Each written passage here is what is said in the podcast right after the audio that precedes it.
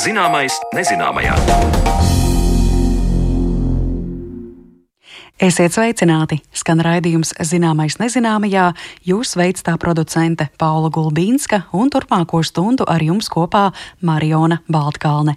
Šajā raidījumā mēs pavētīsim, kā dabā notiek gada laiku maiņa un arī to, kā norises dabā un vēl augstākā līmenī kosmosā iespējams ietekmē mūsu organismu vai saules vētras un mēnesi ietekme varētu skaidrot izmaiņas mūsu sirdsdarbībā vai gara stāvoklī.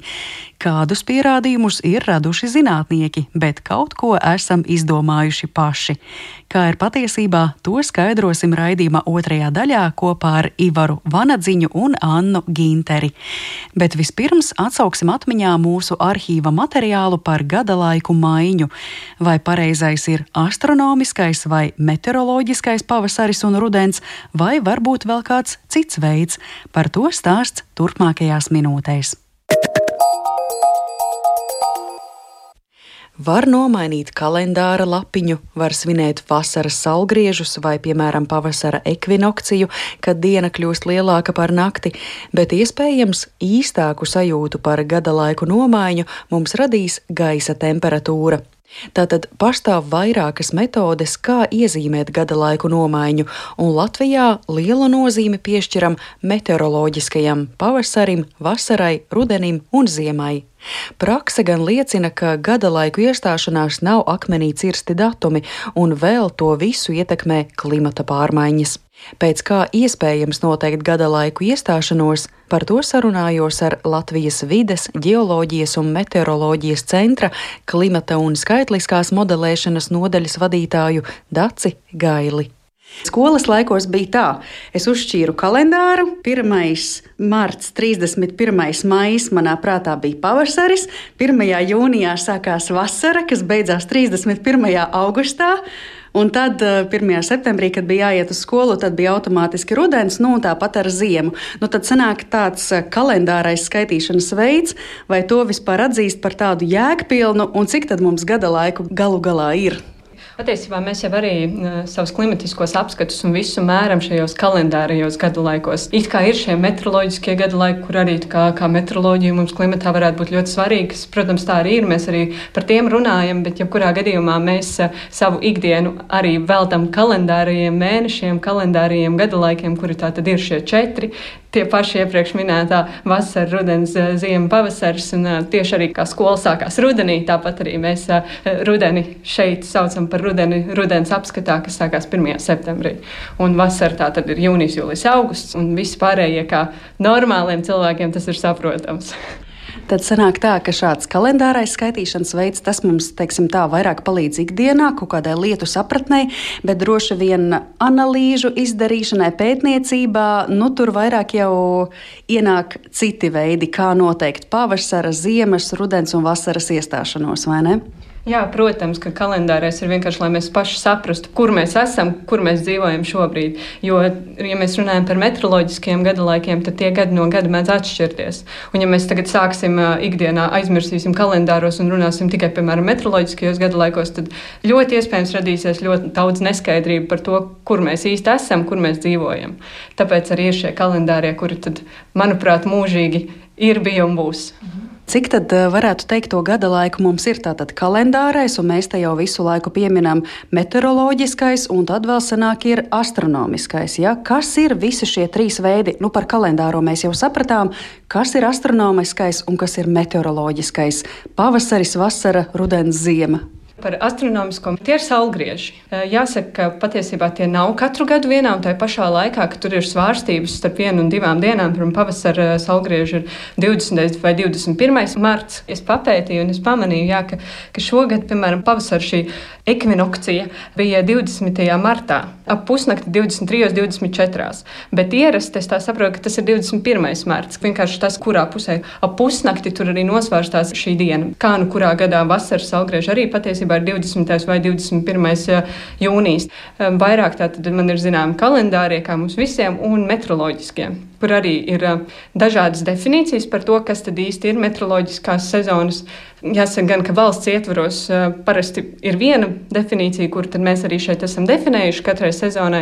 Dažādās valstīs mazliet atšķirās šīs definīcijas, un patiesībā ir pasaulē valsts daudzas, kur nemaz nav izdalīts atsevišķs šāds meteoroloģiskās sezonas. Par tām vispār nerunā.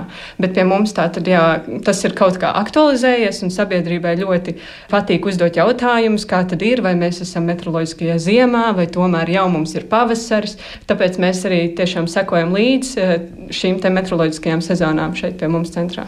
Meteoroloģiskie gada laiki, kas to nosaka? Kad iestājas pavasaris un pārējie gada laiki, pēc kāda principa? To varētu noteikt dažādi, bet galvenokārt mēs šeit Latvijā balstamies uz vidējo gaisa temperatūru. Mēs neesam vienīgie, kas tā dara. Tā ir arī Skandināvijas valstīs, ir līdzīgs princips skatīties uz vidējo gaisa temperatūru. Ir valstis, kur šī vidējā gaisa temperatūra ikdienas tiek summēta, un tad pārsniedzot kaut kādu konkrētu slieksni, tiek pateikts, ka ir iestājies jaunais gada laiks. Mēs gluži tā nedaram, jo tādā veidā mēs nevarētu īsti operatīvi darboties. Jo nu, var tā kā atpakaļ ejot, mēs skaitām šīs eh, vidējās gaisa temperatūras summas un varam spriest, bet īsti tagadnē mēs nevarētu runāt. Tāpēc mūsu tā definīcija vairāk ir uz to, ka piecas secīgas dienas ir jābūt kaut kādai konkrētai gaisa temperatūrai. Piemēram, ja mēs runājam par vasaru, tad vismaz piecas secīgas dienas pēc kārtas gaisa temperatūrai ir jābūt virs 15 grādiem. Un tad mēs sakām, ka ir iestājusies meteoroloģiskā vasara. Bet meteoroloģiskā vasara ir ar to pirmo dienu. Pirmdienā mēs sākam skaitīt, ir plus 15, otrdienā atkal plus 15, komats kaut kas. Un tad uh, piekdienā mēs pasakām, ir bijušas šīs piecas dienas, un tad mēs sakām, ka tā pirmdiena tā bija vasara, un tagad ir sākusies meteoroloģiskā vasara. Un līdzīgi tā ir arī ar citiem gada laikiem. Tikai, protams, atšķirās šie sliekšņi. Ziemā tad ir jābūt gaisa temperatūrai vismaz 5 dienas zem nulles, lai būtu negatīvā šī temperatūra. Tad mēs sakām, ka ir iestājusies ziema. Par pavasari mēs varam spriest, ja ir 5 dienas virs nulles. -hmm. Un rudenim? Kā tur ir? Un rudens savukārt ir, kad ir zem plus 15 grādiem. Principā ir jāatcerās divas vērtības - 0 un 15. Tikai tur ir tas, kurš virziens. Tad ziema zem 0, pavasars virs 0, vasara virs 15, rudens zem 15. Bet, nu, jā, ir, protams, arī tie gadījumi, kad uh, ziema neiestājas. Arī tā mēdz gadīties. Tad, protams, tas viss ir jāapdomā, kā mēs to varam tā korekti aptīt, kad ir pavasaris, kad ir rudens. Tāpēc mēs izmantojam arī tādu principu kā gada augstākā un gada karstākā diena, kad, piemēram, pavasaris var iestāties tikai tad, kad ir pagājusi gada augstākā diena, kas šobrīd ir 6. februāris. Ja mēs iztēlojamies, ka ir silta zima un nav bijušas šīs piecas dienas zem 0 grādiem, tad zima nav ir visu laiku garš, garš rudens, un tad 6. februārī pēc tam mēs varam skaitīt uz priekšu un teikt, kad ir sācies pavasaris. Tādā veidā ir tāda nomaiņa starp rudeni un pavasari, ziemai nemaz nesot. Bet, uh, kurā brīdī tad izvēlas par atskaites punktu to gada augstāko dienu, un tad sāksim skaitīt pavasari, vai arī mēs tomēr vadīsimies pēc tām piecām dienām, kad ir bijusi tur konstanta temperatūra? Nu, ja ir šī ziemas situācija, mēs jau visu laiku sekojam līdzi, skatāmies, vai ir tie nulli grādi vai nav. Bet, piemēram, nulli grādi tikai trīs dienas. Nu, tad mēs nevaram teikt, ka tā ir ziema, jo vajag šīs piecas. Un tā ir pagājusi visa ziema, kad nekad nav bijušas piecas dienas ar nulli grādiem. Tāpēc mēs neesam saņēmuši ziemu kā tādu. Tad vajag kaut kādu brīdi, kad mēs pasakām rudens un pavasaris, jo citādāk būtu jocīgi, ka mēs tagad maijā sēdētu un teiktu, ir rudens. Nu, tas tā galīgi nestrādāt. Tāpēc vajadzēja saprast kādu veidu, kā mēs varam nodefinēt definē to, kad sākās pavasaris, un tāpēc radās šī augstākās dienas definīcija, ka pēc augstākās gada dienas, kas ir balstoties uz klimatisko standartu normu, jo katrai dienai ir kaut kāda norma, nu, kas it kā vidēji, kāda gaisa temperatūra ir tajā dienā, tad, tad eh, šobrīd jaunajā normā, kas ir no 1991. līdz 2020. gadam, augstākā gada diena ir 6. februāris. Un tad pēc tās arī mēs varam balstīties, ka augstākas dienas vidēji vairs nav. Tas nozīmē, ka paliek it kā siltāks.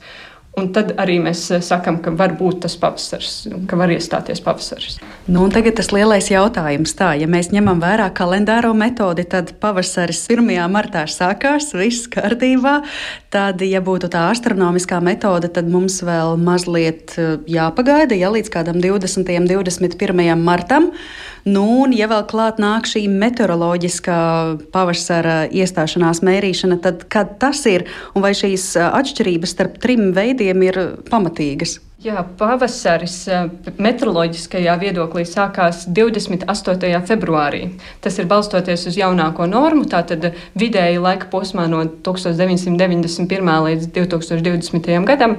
Tas ir 28. februāris, ir bijusi tā diena, kad ir bijusi šī gaisa temperatūra vismaz 5 dienas pēc kārtas virs 0 grādiem kas, protams, ir atšķirīga no piemēram, tā paša astronomiskā kalendāra, jo šī atšķirība ir gandrīz 20 dienas.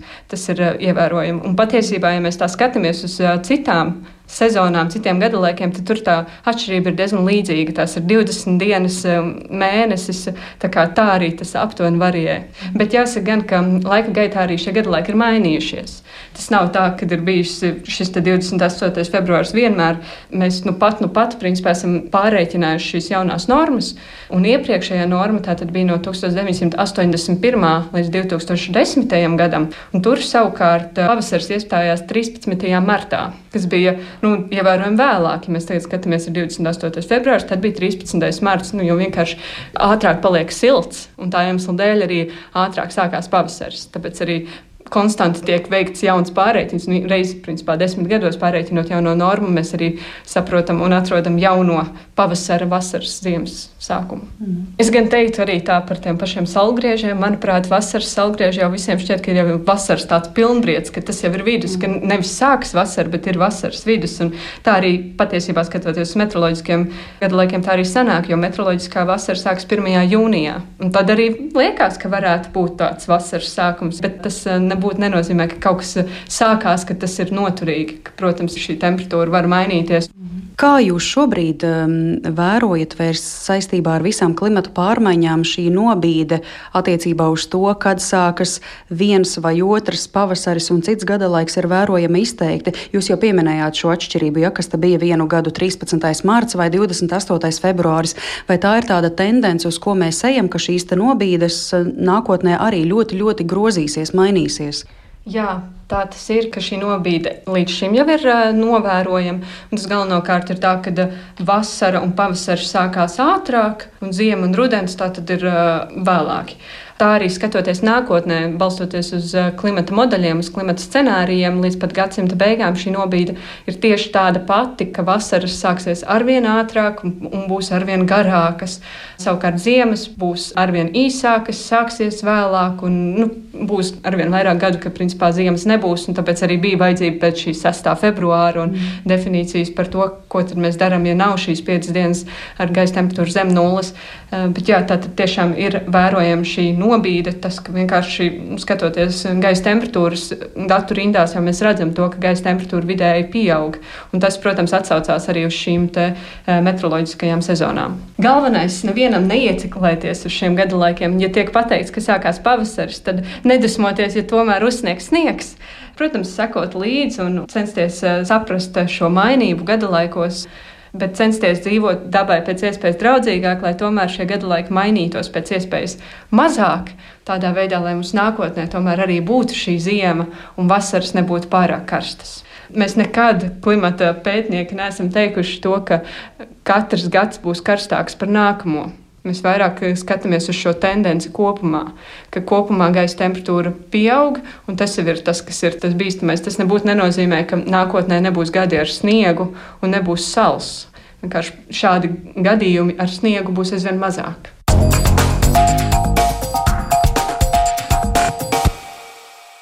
Par iespējām fiksēt gada laiku maiņu mūsu arhīva stāstā iepazīstināja Latvijas vides, geoloģijas un meteoroloģijas centra klimata un skaitliskās modelēšanas nodaļas vadītāja Dace Gaile.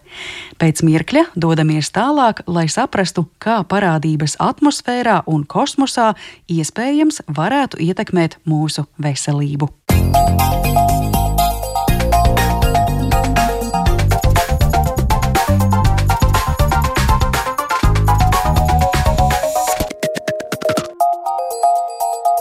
Zināmais nezināmajā.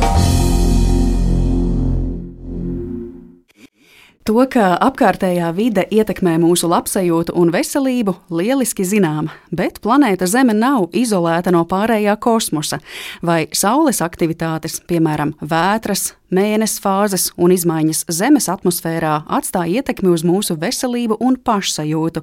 Šis jautājums urdīs nevienu vien. Šodien skaidrosim, ko par to saka pētniecība. Tāpēc uz sarunu esam aicinājuši Stārspējas observatorijas saimnieci, amatieru astronomi Annu Ginteri. Labdien, Anna! Labdien! Un telefoniski mums ir pievienojies Rīgas Stradiņa Universitātes darba drošības un vides veselības institūta direktors Ivars Vanadziņš. Labdien, Ivar! Labdien! Labdien. Un tā kā mums Ivars būs pēc mirkļa jālaiž tālāk citos darbos, tad mēs sarunu sāksim pagaidām vēl piezemējoties eh, tuvāk tam, kur varam staigāt ar kājām un skatīt eh, ar acīm, tātad eh, zemajai atmosfērai, un tad pacelsimies augstāk kosmosā. Ivar, gribētu tad jautāt jums, jūs ikdienā strādājat ar jautājumiem par darba drošību, par to, kā putekļi, gaisa piesārņojums un citi faktori var cilvēkiem radīt veselības problēmas. Vai šie jautājumi par procesiem kosmosā vispār ienāk arī jūsu nozarē, darba drošībā? Nu, jāsaka tā, ka cilvēks saka, ir dabas sastāvdaļa, un arī mūsu institūta nosaukumā ir vide, vidas veselība. Protams, ka vidi veido nu, ļoti daudzas lietas. Tā skaitā arī, protams, nu, tātad, kā saka, esam um, kosmosa sastāvdaļa. Līdz ar to, protams, mēs skatāmies visu plašo spektru un arī, protams, šos jautājumus. Bet tur nu gan jāsaka uzreiz tā, ka mums, nu, tāda, mūsu nozares skatu punkti nu, gan no darba vidas, gan no vidas veselības viedokļa. Nu, ir varbūt dažas lietas, ko var akcentēt un pieminēt, bet kopumā ņemot, tā nav tāda milzīga, masīva nu, bēda vai problēma vai kaut kas tāds, kas mūs nu, visu laiku nodarbinātu. Jo tajā ziņā faktiski tā ir tāda lieta, ar ko mēs kopā mierīgi pastāvam blakus un sadzīvojam. Un varbūt tā man atbild arī tieši tāda ir. Kāpēc tas tā ir? Kāpēc es nedomāju, un vismaz pētniecība nedomā, ka tā ir milzīga problēma? Es domāju, ka tur ir atbilde ļoti vienkārša.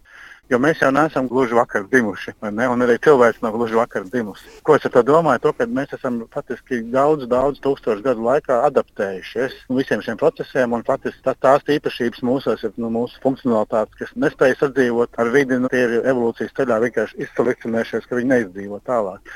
Līdz ar to es domāju, ka tā augstā kosmosa ietekme viņa nešaubīgi kaut kāda ir bet mēs ar viņu gluži labi sadzīvojam. Nu, ar nosacījumu mēs esam veseli, funkcionēt spējīgi, nu, gatavi adaptēties un gatavi paši nu, teiksim, pielāgoties un kaut ko ņemt vērā. Tā kā es teiktu, ka tā nav tāda uh, liela bēda, bet, protams, ka dažas problēmas ir un dažas viņas ir varbūt, nu, kā, piemēram, Es domāju, ka jebkuram klausītājam būs atmiņā palikuši tādi vārdi kā, piemēram, ozona caurums. Tas nav īsti varbūt kosmosa problēma, jā, bet tas, piemēram, protams, mūs ietekmē, tas nozīmē, ka mums tie kaitīgie ultravioletē starojumi tiek cauri. Uh, ko Zemes atmosfēra savādāk ļoti labi aiztur. Protams, mums ir vairāk kādas audzēju un vairāk kaut kādu risku. Jā, tā kā šajā kontekstā. Mm -hmm. Un vēl otra lieta, ko es gribu tajā pašā apsveicinā pateikt eh, par šo ietekmi, ir tas, ko arī ļoti bieži cilvēki piemin, bet manuprāt, tas tomēr ir tādā nu, lielā mērā atkal tādām veselām funkcionējušam cilvēkam nav liela problēma ar elektromagnetiskiem starojumiem, nu, saules vētras un visas šīs lietas, kuras nešaubīgi ir notiek un mūs ietekmē.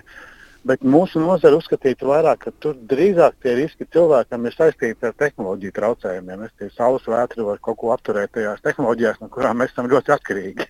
Nu, kaut kā interneta signāli vai radio signāli vai iekārtu darbība, ja, kas attiecīgi apdraud tālāk cilvēku. Mm. Ne tādā tiešā veidā, jo mēs tiešām esam adaptējušies un tā kārtējā saules vētra nav pirmā, ne, tā ir tikai viena viena un daudz notikumu virtenē, nu, kura stiprāk, kura vājāk, jā, bet nu, tas mūs īpaši daudz nu, tādā ziņā neuztrauc. Tā es teicu, ka kopumā ņemot nav lielu uztraukumu.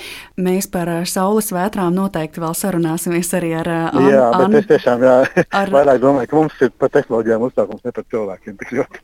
Jā, nu, protams, tur ir ietekme gan uz tām iekārtām, ko lietojam, gan uz mūsu veselību, un skaidrs, kā jūs arī teicāt, mēs esam pielāgojušies, bet es vēl tomēr gribētu precizēt, ja mēs esam tuvāk zemē un ja runājam par zemo atmosfēru, ja, gaisa masu kustība, atmosfēras spiediena svārstības, vai tas tomēr arī ietekmē cilvēku labsajūtu? Ir taču jā, šie daudzie jā, teicieni, ka no jā. sliktiem laikapstākļiem sāp galva, cik tas mm. ir adekvāti un pamatoti, un visi šie stāsti par jā, slikto jā, un labo tur... laika prognozi. Jā, nu, tas ir tāds diezgan liels fenomens. Faktiski nu, visi tos, laika tipus, vismaz vidējā un vecākā paudze, ir dzirdējuši nu, pirmais, un otrais, un trešais un ceturtais. Bet tur jāsaka tā, ka es godīgi sakot, gribētu teikt, to, ka tas nu, ir tāds varbūt savā ziņā tomēr vēl padomju telpas fenomens, jo par tādiem laika tipiem citur pasaulē nu, runā gauži maz, un viņus faktiski nesauc par laika tipiem, bet par tādām bioloģiskajām laika prognozēm. Man pat tas angļu termins ir tā tulkojams. Un, ko tas nozīmē no tāda mūsu skatu punkta par cilvēku veselību, runājot par vidi un par to zemo atmosfēru? Tur būtībā es domāju, ka atslēga vārds jau izskanēja, un atslēga vārds ir, lai mēs esam adaptēties spējīgi. Jo arī tie laika tipi, viņi faktiski kā dalījās. Viņiem tas galvenais dalījums un galvenā atšķirība starp viņiem ir tik liela izmaiņa tajos atmosfēras rādītājos, nu, pamatā tas ir gaisa spiediens, vējš, temperatūra, mitrums. Ja, tik liela starpība ir sagaidāma. Un tad pirmais laika tips ir tāds, kur faktiski nekas daudz nemainās. Ja, kur cilvēks adaptējas, viņš ir, piemēram, spiediens ir tāds, temperatūra ir plus mīnus pa dažiem grādiem mainās, bet tas ir ok. Un nav tāda liela izmaiņa. Un tad, protams, tas ceturtais ir tas, kur tās izmaiņas ir nu, tādas nu, būtiskākas. Ja, gan tie spiedieni, tur nezinu, kaut tur desmit milibāri nomainās, vēji milzīgi, ja, mitruma izmaiņas, temperatūra izmaiņas.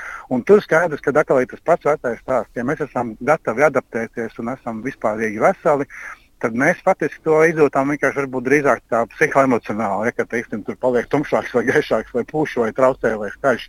Jā, bet savādāk mūsu ķermenis adaptējās un viss ir kārtībā.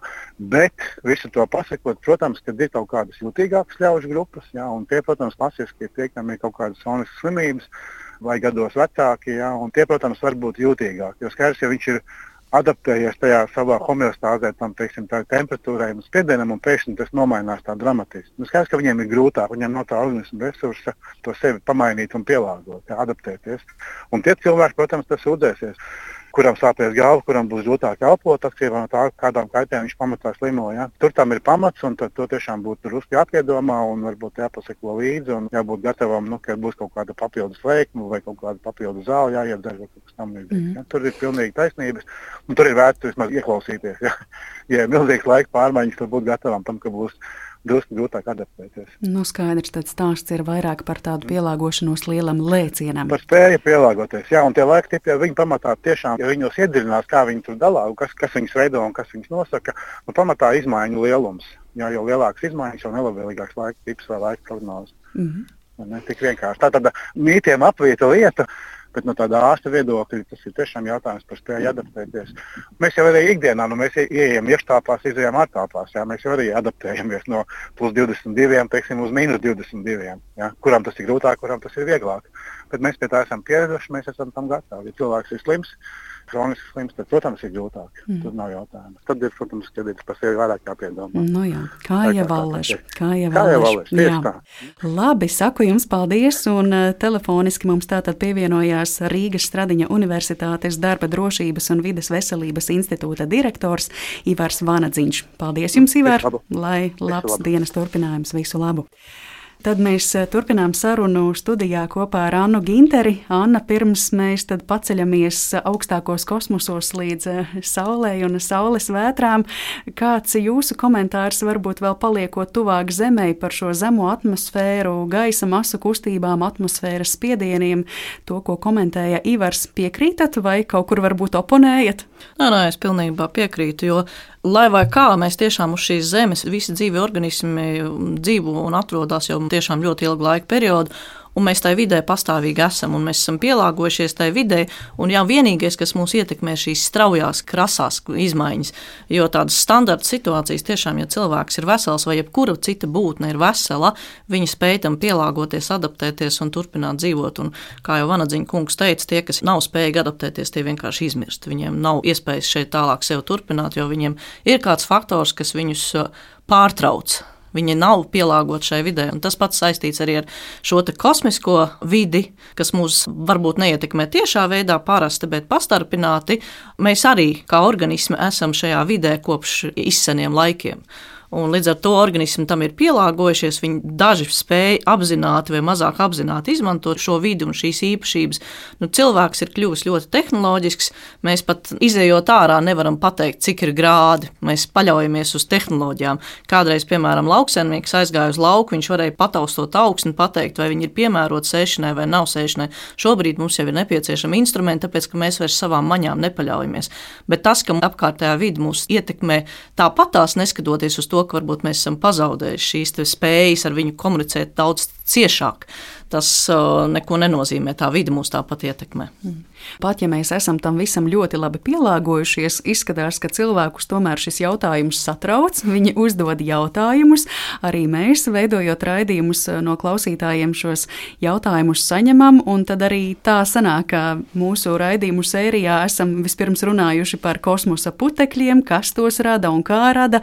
Tad esam runājuši par kosmosa aktivitāšu atstāto vides ietekmi, un šodien tāda sanāk gluži kā trešā sērija par kosmosu un cilvēka veselību veselību, bet eh, nevar noliegt, ka šīs zinātniskās hipotēzes un atziņas par kādu kosmosa procesu ietekmi uz mūsu veselību ir apaugušas arī ar cilvēku izdomājumiem.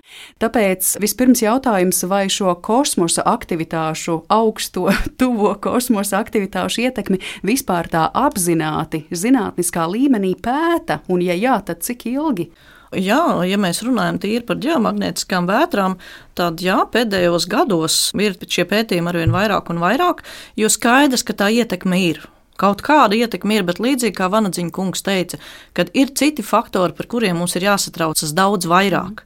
Piemēram, ja mēs skatāmies uz šiem pētījumiem, kas ir saistībā ar ģeomagnētiskajām aktivitātēm, tad arī mēs redzam, ka cilvēki ar sirds asinsvadu saslimšanām, ar uh, nervu sistēmas kaut kādiem traucējumiem, viņi ir jutīgāki, jo iespējams šie magnētiskie lauki vairāk strādā tieši uz šo simptomātisko nervu sistēmu, tātad to, ko mēs paši nevaram kontrolēt un kur kontrolē šos mūsu neapzinātos procesus. Un Šiem cilvēkiem, protams, jebkurš vidas faktors, kas ir pietiekami spēcīgs, tās pašas atmosfēras spiediena izmaiņas, temperatūra, mitrums, arī šie nelabvēlīgie dzīvesveida apstākļi, tātad smēķēšana, alkoholisms, nepareizēšana, maskustīgs dzīvesveids, tie ietekmē daudz būtiskāk nekā šīs elektromagnētiskās svārstības.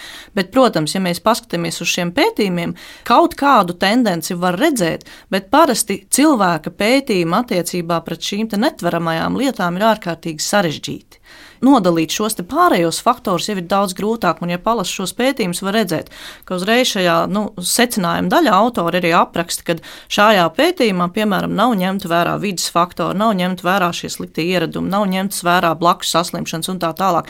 Jo cilvēks ir ļoti sarežģīta sistēma. Mums nevar kā tādu putniņu ielikt kaut kādā izolētā telpā, un tad šis putniņš paļausies tikai uz saviem instinktiem, un mēs varēsim vieglāk identificēt, vai viņu ietekmē elektromagnētiskais lauks vai nē cilvēks ir ļoti sarežģīta, komplicēta būtne, kuram ir savs domu gājiens, mums ir sava apziņa, un ar savu apziņu, ar savu domāšanu mēs arī varam ietekmēt šos iznākumus eksperimentiem. Līdz ar to, jā, pētījumi ir, pēdējā laikā viņi kļūst ar vien vairāk, jo, protams, ka tā interese ir, kā cilvēku šie faktori ietekmē. It sevišķi, ja mēs domājam par to, ka cilvēks kādā brīdī pārvāksies ārpus Zemes atmosfēras, tātad ārpus šī elektromagnētiskā lauka, un tad šie kosmiskie faktori daudz būtiskāk ietekmēs cilvēku cilvēks. Jo šobrīd mūs ļoti labi sargā gan Zemes atmosfēra, gan Zemes magnētiskais lauks, un mēs esam pielāgojušies dzīvē uz šīs planētas. Līdz ar to, tiklīdz mēs domājam par pārcelšanos uz mēnesi vai uz Marsu vai uz kaut kurien citurien, tur šie vidas faktori pilnīgi būs citādāki. Un skaidrs, ka tur nāksies rēķināties ar daudz būtiskāku ietekmi. Tāpēc daudz efektīvāk, protams, ka pētīt uz Zemes ir saprast, kā ietekmē šie apstākļi, bet panikot, ka tagad būs gaidām nākamā saules vētra un tagad vajadzētu, nezinu, slēpties pagrabā vai vēl kaut ko noteikti nevajag. Jā, tas ir pārspīlēti mazliet. Jā, iespējams, mēs taustāmies pa augstiem plauktiem, un, kā jūs teicāt, mums daudz vairāk būtu jādomā par to, kā savu dzīvi veselīgi dzīvot uz zemes, izvēloties pārtiku, normāli guļot un tā tālāk. Bet tomēr, tomēr pētīts tas ir, un parādās arī pat tādi termini kā heliobioloģija un heliofizika ko šie jēdzieni apzīmē? Nu, skaidrs, sasaistē ar bioloģiju un fiziku, bet, ja atšķetinām plašāk, kā to skaidrot? Uh, heliofizika ir Saules fizika. Ja mēs skatāmies kopumā, astrofizika ir fizikas saistība, fizikas procesi kosmosā, tad heliofizika pēta tieši Sauli. Šos procesus, kādi notiek uz Saules no fizikālā faktora, kā notiek reakcijas iekšā kodolā, kā šī termopārnes notiek, šī enerģijas pārnes no kodola centra uz uh, Saules atmosfēras ārējām daļām un tā tālāk. Tā tie ir paši procesi, kas notiek Saulē un varbūt arī Saules tūmā. Heliobioloģija ir par to, kā Saules procesi, tie, kas notiek uz Saules un kā Saule atstāja ietekmi uz apkārtējo starpplanētu vidi, kā tie procesi var ietekmēt bioloģiskos organismus šeit uz Zemes. Un, principā, kopš pagājušā gadsimta sākuma šie pētījumi par dzīvajiem organismiem ir kļuvuši ar vien vairāk un vairāk. Un šobrīd jau ir zināms, ka nu, ārkārtīgi daudz organismu uz Zemes, sākot no, no baktēriju līmeņa līdz pat uh, zīdītāju līmenim, ir tādi, kurus šie procesi ietekmē. Un šie organismi spēj reaģēt uz šo Zemes, piemēram, elektromagnētisko lauku, un kā šis lauks miedarbojas ar šo saules magnētisko lauku, kas ir izplatīts starpplanētu telpā. Mēs zinām, ka putni, piemēram, spēj orientēties, izmantojot šīs elektromagnētiskā lauka līnijas. Jūras dzīvnieki, kur arī pārvietojās, piemēram, bruņurupuči pārvietojas lielos attālumos, viņi ne tikai spēja uztvert šo elektromagnētisko lauku, kas ir apkārt Zemē, bet arī spēja noteikt šī lauka intensitātes, šī lauka līniju slīpumu un tā tālāk. Tā kā ļoti izsmalcināti veidi, kā šie organismi iedarbojas ar šo vidi. Un tas ir gluži saprotams, jo arī vienšūņu fosīlijās atrodami ieslēgti saslēgumi, kristāliski savienojumi, kuri tiek izmantoti elektromagnētiskā lauka kā, noteikšanai. Tā kā principā kopš pašiem dzīvības pirmsākumiem tā miedarbība ar to aizsargu lauku mums ir bijusi. Un, kā jau es teicu, visticamāk, cilvēks arī to lauku uztver. Vienkārši mēs jau esam varbūt pazaudējuši to spēju kaut kā ļoti uz to reaģēt. Tā specifiski, mēs varam pateikt, ka mēs tagad ejam uz ziemeļiem vai uz dienvidiem. mums ir tradicionālais šis lietuvēns, kurš mūs aizved purvā un vadā uz riņķi un vēl nezinu kas. Un mēs vairāk paļaujamies mūsdienās, ir sevišķi uz tehnoloģijām.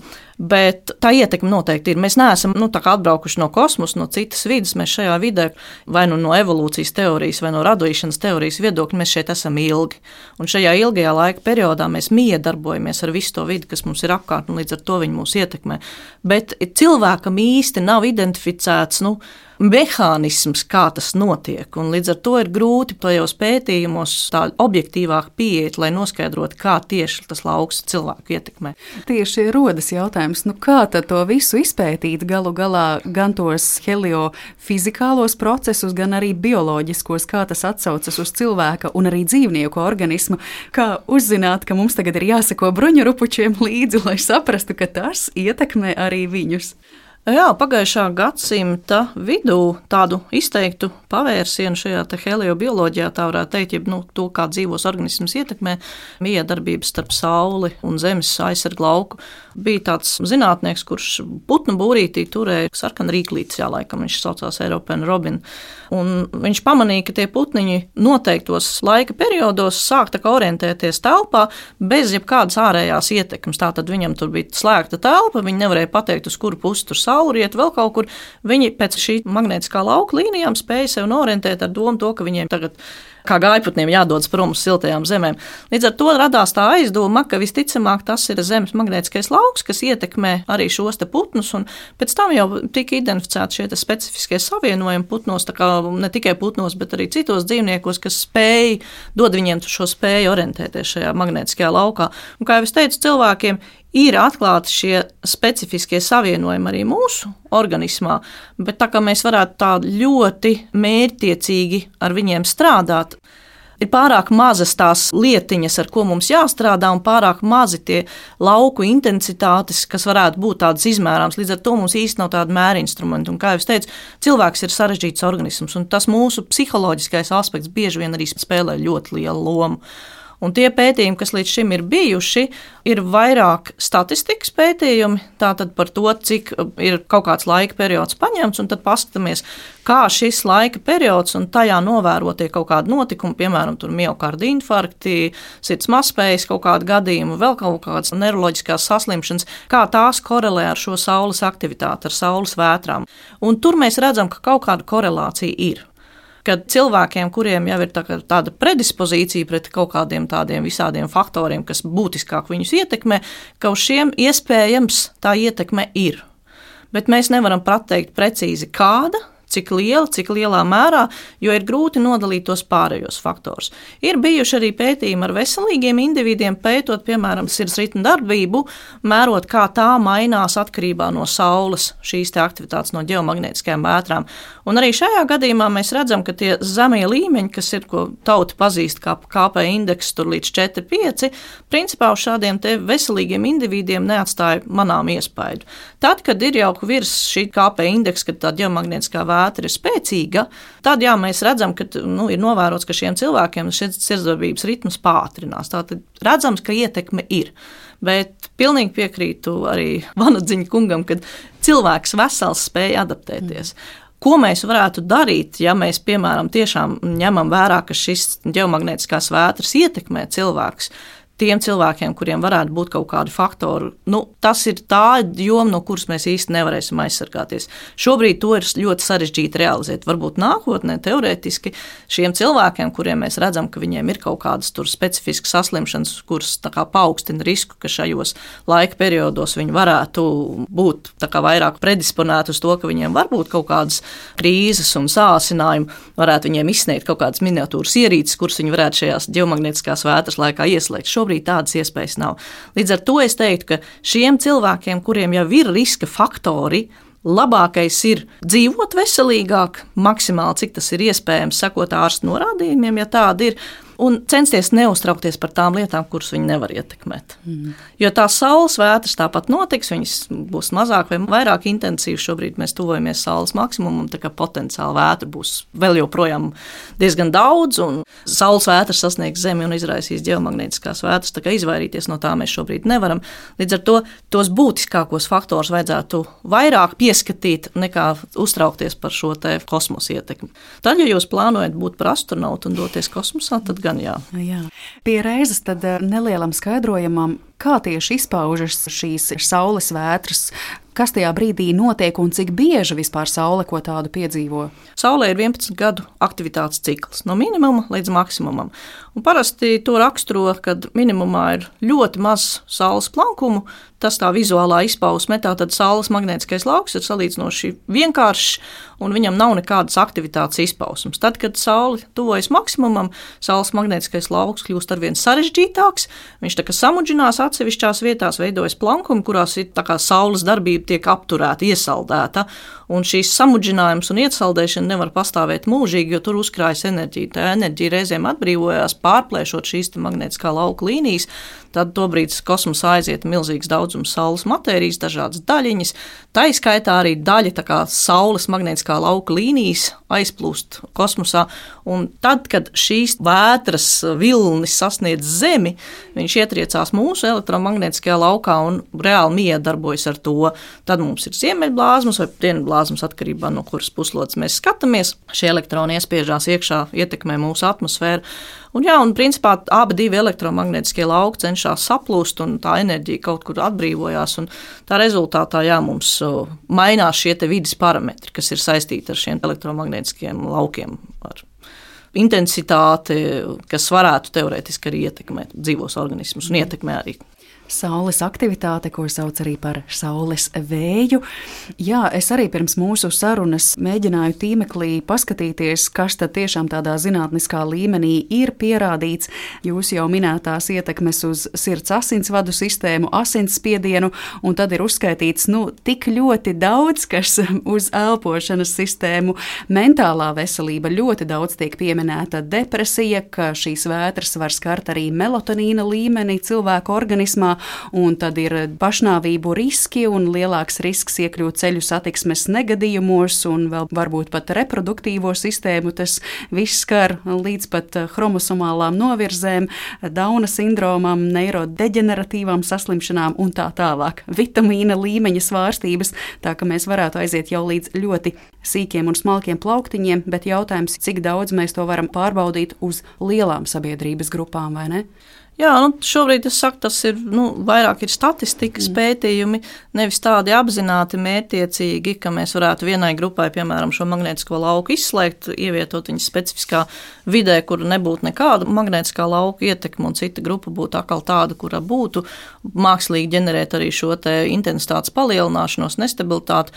Tādi pētījumi šobrīd uh, īsti nu, netiek realizēti. Ir kaut kāda atsevišķa gadījuma, kur mums skatās šīs veselīgās grupas un mēģina uz viņiem šo ietekmi. Bet, nu, principā, jā, tā kā saules aktivitāte nav prognozējama, līdz ar to pētījumi ir vairāk skatāmies atpakaļ vēsturē, paņemam kādu periodu, kad ir bijušas intensīvākas vētras un skatāmies tad, kā populācijas uzvedās. Bet tad arī jautājums, vai tā korelācija tiešām ir atbilstoša, vai tas ir tiešām tas galvenais faktors, kas ir radījis šo sasaiti, kuru mēs novērojam. Es piekrītu visiem tiem, kas saka, ka tas ir jāpēta noteikti, bet uh, tam nevajadzētu pievērst trausmīgi lielu uzmanību un tagad uh, teikt sabiedrībai, ka redziet, tagad mēs esam novērojuši korelāciju, tad, kad ir saules geomagnētiskās vētras, un tad, teiksim, sirds asinsvadu slimniekiem būtu īpaši jāstraucās. Nevajag satraukties, jo ir citi faktori, ko mēs kā cilvēki šeit uz Zemes varam ietekmēt, un vajag rūpēties vairāk par tiem faktoriem. Veselīgi dzīvot, normāli izgulēties, lietot zāles, ja ārstās ir izrakstījis, un tā kā ārsts izrakstījis, nevis kaimiņiem teikusi. Tas ir viss tas, ko cilvēks cilvēks var darīt, jo tās geomagnētiskās vētras notiks un ir notikušas un būs arī nākotnē. To mēs nevaram ne ietekmi samazināt, nedz arī izvairīties no tās šobrīd. Tā kā no zinātniskā viedokļa pētījums turpinām, jo tas ir būtiski. Ir svarīgi, protams, noskaidrot, bet sabiedrībai par to nevajadzētu satraukties. Mm. Labi, tas skaidrs par sauli, bet es vēl gribētu pajautāt par mēnesi. Taču arī ir daudz šie stāsti par to, ka ja reiz mēnesis spēj ietekmēt eh, jūras un okeānus, radīt paisumus un bēgumus, tad nav pārsteigums, ka mēnesis ļoti iespējams ietekmē arī mūsu organismu, jo mūsu organismu taču tik daudz procentuāli veido ūdens.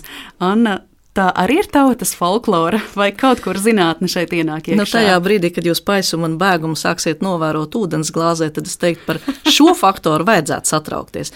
Okeāna jūras ir lieli ķermeņi, un gravitācijas rezultātā tādēļ, ka mēnesis viņus pievelk, viņš arī ietekmē šos lielos objektus. Cilvēks un citi organismi ir pārāk mazi.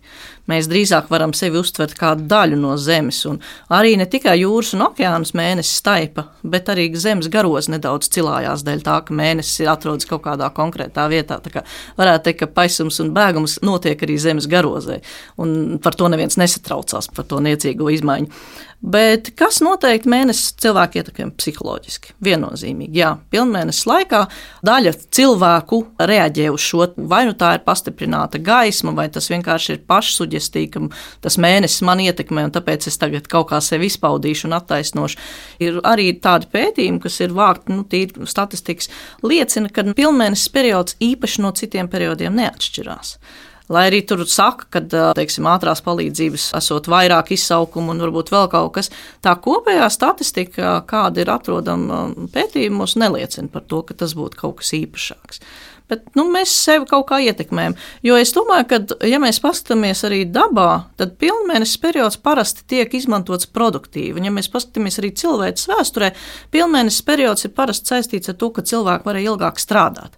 Piemēram, novembra pilnmēnesis šķiet ir bebra mēnesis, jo novembra pilnmēnesī cilvēki gāja medībās. Tātad tas laiks, kad ir gaišs ārā, arī naktī var iet mierīgi medībās. Tātad tu vari redzēt, nošaut bebru, lai man piedod bebra aizstāvi. Bet, nu, jā.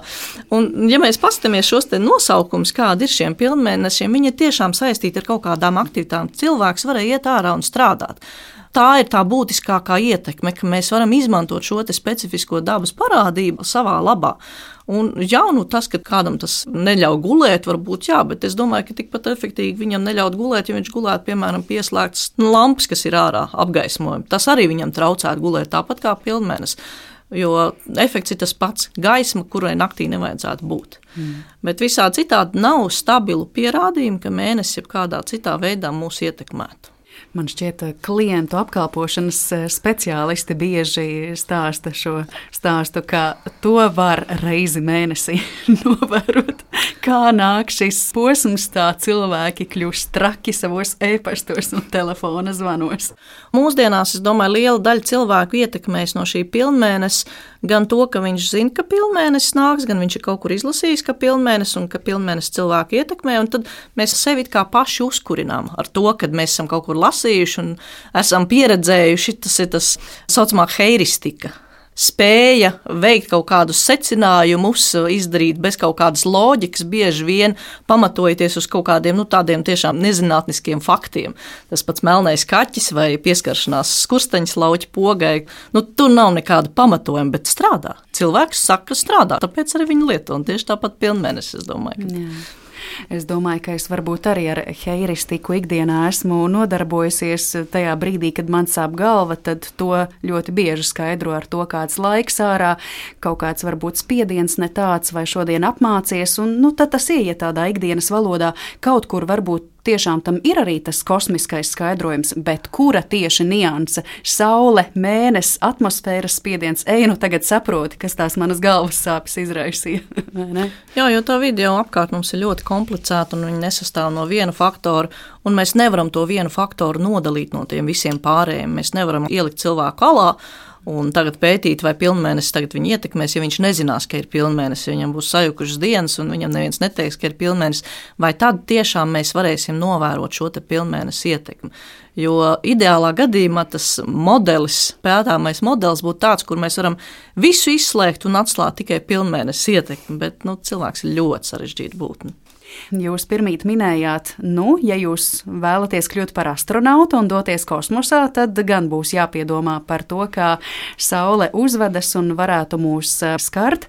Tātad eh, tas, kā Saule varētu atsaukties uz kādām tehniskām iekārtām, tas varētu būt kas telekomunikācijas, navigācijas sistēmas, varbūt eh, kādi traucējumi gaisa kuģu apkalpēm, satiksmei. Jā, ja ir ļoti spēcīga vētra, tad tās daļiņas tiešām iespiežās arī iekšā Zemes atmosfērā, un tad polārajos reģionos ir nedaudz bīstamāk lidot nekā parasti.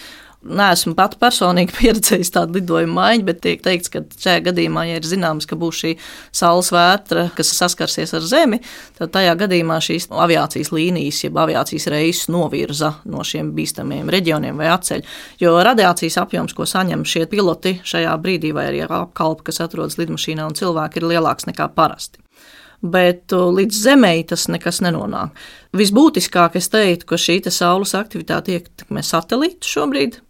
Jo īpaši tos, kas atrodas ārpus Zemes aizsarga lauka, uz viņiem var atstāt pat tik būtisku ietekmi, ka uh, satelīti izsit pilnībā no ierindas. Ir tādi gadījumi arī bijuši, un satelīts reāli vairs nedarbojas. Viņš pilnībā tiek izsists no ierīces.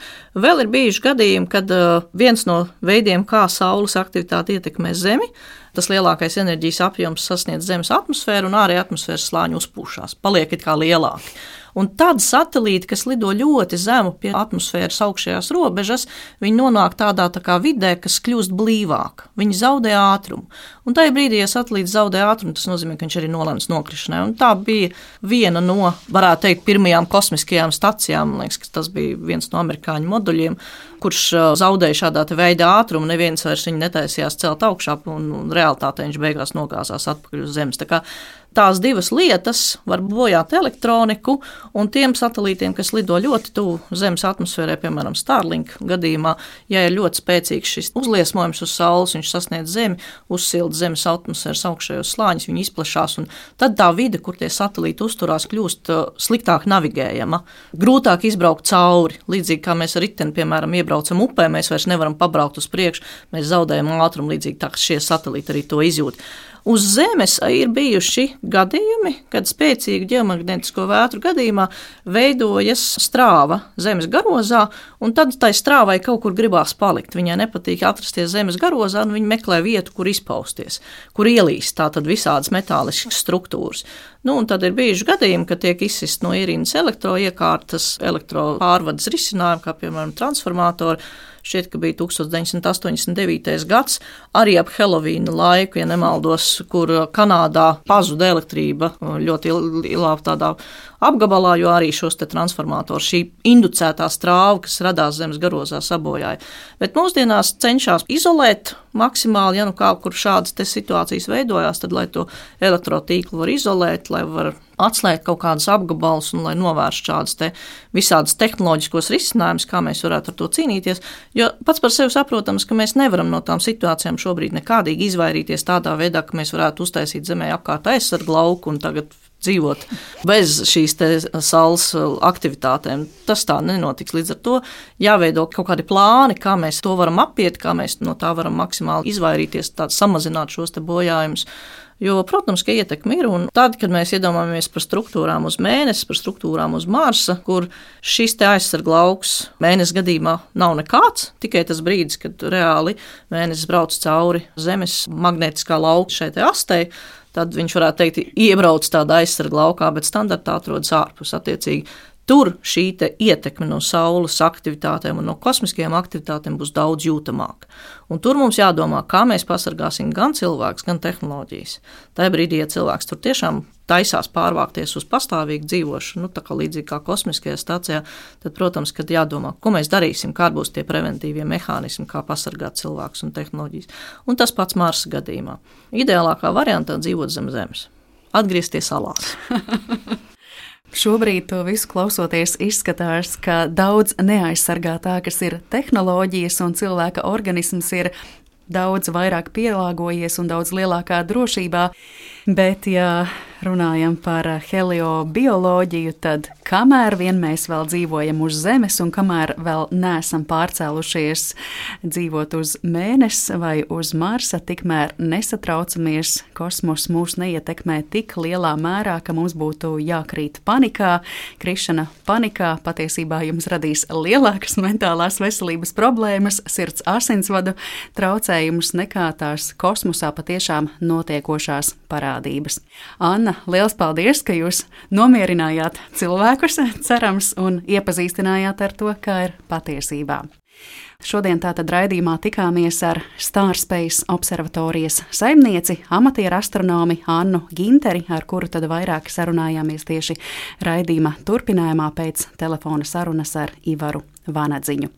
Ar to mūsu raidījums arī noslēdzas. Paldies jums, klausītāji, ka pievienojāties mums šajā stundā. Par raidījumu gādāja Paula Gulbīnska, Nora Mītspapa, Girts Bišs un pie mikrofona bija Mariona Baltkalne. Uz sadzirdēšanos atkal citu reizi!